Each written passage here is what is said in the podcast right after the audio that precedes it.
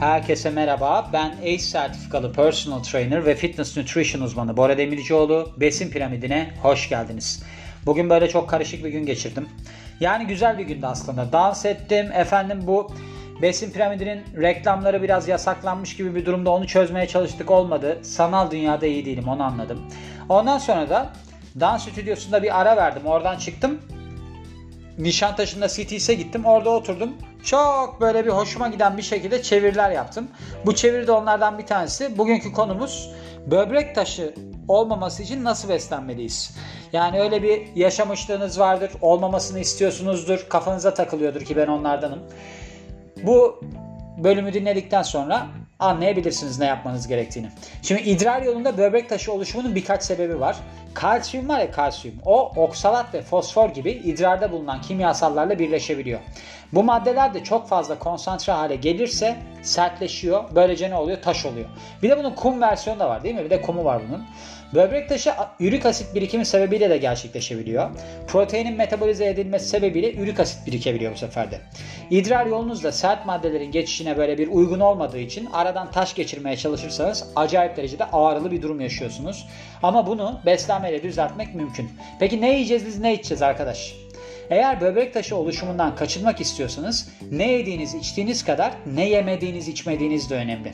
Aklınızda bulundurmanız gereken noktalar şunlar. Vücuttaki sıvı seviyenizi ayarlamanız gerekiyor. Yani düşürmemeniz gerekiyor. Yani özellikle su ama genel olarak sıvı alımınıza dikkat etmeniz gerekiyor. Çünkü bu taş oluşumuna sebep olan kimyasalların seyreltilmesine yardımcı oluyor. Şimdi sulu ortamda seyreliyorlar. En azından denilmiş burada günde 12 bardak su için. Ben de diyorum ki yani erkekler 3 litre, kadınlar 2 litre içmeye devam etsinler. Hani böyle ortalama bir oranlar veriliyor ya öyle. Turunçgil alımınızı artırın. Bakın bu ilginç. Turunçgiller ve sularında doğal olarak oluşan sitrat. Sitrat bu citrus fruit'tir İngilizcesi bu turunçgiller. Demek ki burada da hani oradan geliyormuş. Sitrat varmış içerisinde. Bu da taş oluşumunu azaltmaya yardımcı oluyormuş. Yani limon, portakal, greyfurt falan yerseniz bu size yardımcı olacaktır. Bolca kalsiyum ve D vitamini alın denilmiş. Şimdi bu enteresan bir şey. Çünkü ya bu bana enteresan geldi. Kalsiyum alıyorsunuz. Hani başında ne dedik? Kalsiyum oksalat ve fosforla birleşiyor. Bu ne oluyor? Konsantre hale gelince sertleşiyor. E, kalsiyum alın ne demek şimdi? Yani bir okuyalım. Eğer kalsiyum alımınız düşükse oksalat seviyeleri yükselebilir. Kalsiyumun beslenme desteği olarak alınması böbrek taşı oluşumuna katkı sağlayabileceğinden herhalde anladığım kadarıyla burada şimdi beslenme desteği olarak alırsak çok yüksek miligramda alabiliriz ondan bahsediyor. Ama besin yolu alırsak o kadar çok alamayacağımız için hani neden alıyoruz çünkü bunu peynirden, yoğurttan, morttan alıyoruz ya. Onun için herhalde ondan bahsediyor. Hani kalsiyum çok yüksek olursa sorun olabilir diye. Vegansak işte baklagiller, koyu yeşil sebzeler, tohumlar, kuru, kuru yemişler falan yine işimize yarayabiliyor. Eğer inek sütünü sevmiyorsanız denilmiş ya da sizi rahatsız ediyorsa hani laktoza bir direnç şeyiniz varsa, sorununuz varsa o zaman da fortified soya sütü ya da yani zenginleştirilmiş soya sütü ya da keçi sütü deneyin denilmiş. Deneyin denilmiş. Bir de bununla beraber D vitamini almanız gerekiyor. Çünkü o da kalsiyum emilimine fırsat veriyor.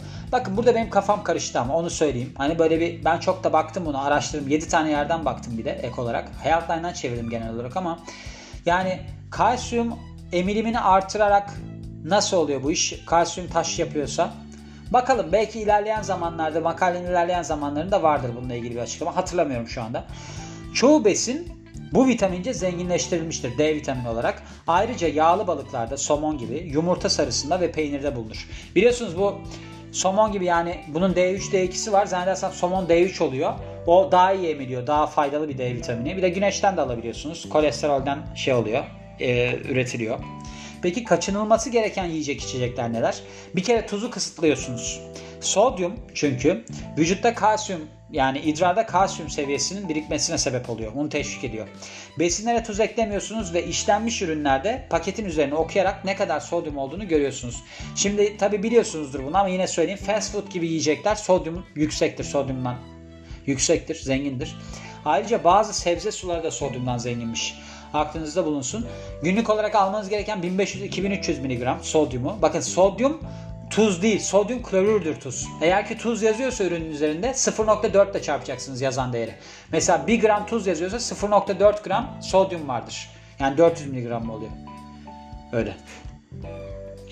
Hayvansal protein alımını düşürün. Kırmızı et, domuz eti, tavuk, balık, yumurta gibi çoğu protein kaynağı ürettiğiniz ürik asit miktarını artırabilir. Ayrıca yüksek miktarda protein idrardaki sitrat miktarını düşürür. Sitrat böbrek taşı oluşumunu engeller. Bu demin bahsettim yani turunçgillerde olan şey. Hayvansal proteinlere alternatif olarak kinoa, humus, chia tohumu, yoğurt yiyebilirsiniz. Yani alternatif olarak. Yoğurt hayvansal değil mi? Diyesim geldi de şimdi karşımda birisi olmadığı için bir şey diyemeyeceğim. Bitki bazlı beslenme ideal olabilir. Oksalatı akıllıca tüketin denilmiş. Bu kimyasalca zengin besinler böbrek taşı oluşumuna sebep olabiliyor. Neden? Demin de bahsettik. Kalsiyumla birleşiyormuş bunlar ondan dolayı. Eğer böbrek taşı sorununuz olduysa beslenmenizden oksalatı tamamen çıkarmanız da doğru olabilir. Eğer oksalat içeren besin tüketirseniz yanında kalsiyumlu bir şey yiyin veya için veya için. Yani tam bir çelişkiler yumağı gibi duruyor ama şimdi anlayacağız. Bunu hatırladım ben çünkü. Şimdi şöyleymiş bakın. Kalsiyumlu bir şeyle beraber yediğiniz ya da içtiğiniz durumda bu oksalat sindirim sırasında kalsiyuma bağlanıyor ve böylece böbreğe ulaşamıyormuş. Yani çekiyormuş o onu. Herhalde bu ikisi böyle bir kombinasyona yol açıyor. Oksalattan zengin besinler çikolata, kuru yemiş, nuts diye geçmiş. Yani fındık da olabilir bunu ama nuts genelde kuru yemiş diye geçiyor. Çay, ıspanak, tatlı patates, pancar. Bunlar oksalattan yüksekmiş aklınızda bulunsun. Bunları çok tüketmeyin. Ya da tüketiyorsanız sütle beraber tüketin. Sütlü çikolata herhalde işe yarar mı bilmiyorum. Sütlü kahve çikolata olabilir mesela. Ispanak yoğurtla olabilir. Çayı sütlü çay yapın. Böyle bir İngiliz çayı vardı galiba. Ondan mı acaba? Bilmiyorum anlamadım. Peki kuru yemişi sütlü neyle yiyebiliriz? Onu bilemedim. Sa- tatlı patates de herhalde püre sütle karıştırıp yapabiliriz falan filan. Kola içmeyin. Bakın kola fosfattan zengin. Ki bu da bir başka böbrek taşı oluşturan kimyasal. Yani şeyde kolanın içerisinde olan durum. Eğer alımınızı ya pardon şeker alımınızı ya sıfırlayın ya da azaltın. Ek olarak sükroz veya fruktoz böbrek taşı oluşumuna sebep olabiliyormuş. Sükroz zaten biliyorsunuz glikoz fruktoz disakkarit ikisinden oluşuyor %50 %50. Fruktoz da yani yüksek fruktozlu meyve şurubu şey ne o? Meyve şurubu değil mi? Ondan almanız sakıncalı olabiliyormuş. Peki taktik olarak yani biz arkadaş derseniz özet olarak ne yapalım? Bakın bu aslında biraz hipertansiyon diyetine benzeyen bir yaklaşım. Buna DASH diet deniliyor da Dietary Approach to Stop Hypertension diye geçiyor. Çok havalı bir söyleniş var açıldığı zaman. Günde minimum 12 bardak su için. Yani 2-3 arası su, su için diyor. 2-3 litre. Turunçgil suyu için Turunçgil suyu içmeyi ben çok önermiyorum. Çünkü o aslında fruktozdan çok zengin. O biraz sorun olabilir. Önceden ben bahsetmiştim yağlanma açısından. Şimdi burada başka bir şeyden bahsediyor. Siz bunu meyve olarak yiyin. Yani onun içinde lif filan da var ya sonuçta onun içerisindeki yani sitrat gene sitrat. Siz turunçgili yiyin. Günde minimum 3 kez kalsiyum zengini beslenin. Hayvansal proteini kısıtlayın.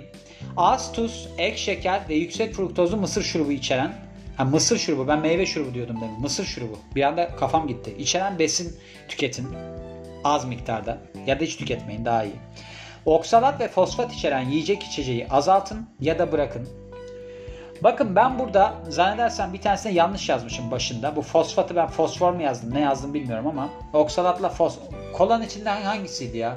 Fosfat mıydı fosfor muydu hatırlayamadım. Azaltın ya da bırakın. Susuzluğa sebep olan besini düşürün. İçki ya da işte besini neyse. Bu da ne olabilir mesela? Alkol olabilir. Yani alkol alımınızı düşürün. Neden? Çünkü o zaman yoğunlaşıyor. Yani yoğunlaştığı zaman sorun oluyor. Onları düşürün denilmiş. Mesela nedir yani bizim yapmamız gereken aslına bakarsanız? Çok fazla çay içmemek. Hani yapılabilecek şeyleri söylüyorum. Hani böbrek taşı sorununuz var ve yapabileceğiniz şeyleri söylüyorum. Çay çok içebilirsiniz. Mesela kola içebilirsiniz. Kolayı bırakmanız iyi olabilir. İçki içiyor olabilirsiniz. Böbrek taşı sorununuz varsa bu da buna sebep olabilir. Mesela turunçgil yemiyorsunuzdur. Onları yemeniz yine faydalı olacaktır. D vitaminini kalsiyumla beraber almanız gene faydalı olacaktır. Ya da oksalatla beraber kalsiyum almanız. Ne örneği verdim ben size? Mesela yoğurtlu ıspanak gibi. İşte çikolata gibi süt, sütle beraber sütün yanında çikolata yemek gibi filan. Hani yiyebileceğiniz alternatifler üzerinden gidersek ve de su için vücudunuz susuz, susuz kalmasın. Hayvansal proteinde kısıtlarsanız böyle bir sorunuz varsa hiçbir sorun yaşayacağınızı düşünmüyorum diyorum ve bu bölümün de sonuna geliyorum. Beni dinlediğiniz için çok teşekkür ederim. Ben Bora Demircioğlu. Yeni bir bölümde görüşmek üzere. Hoşçakalın.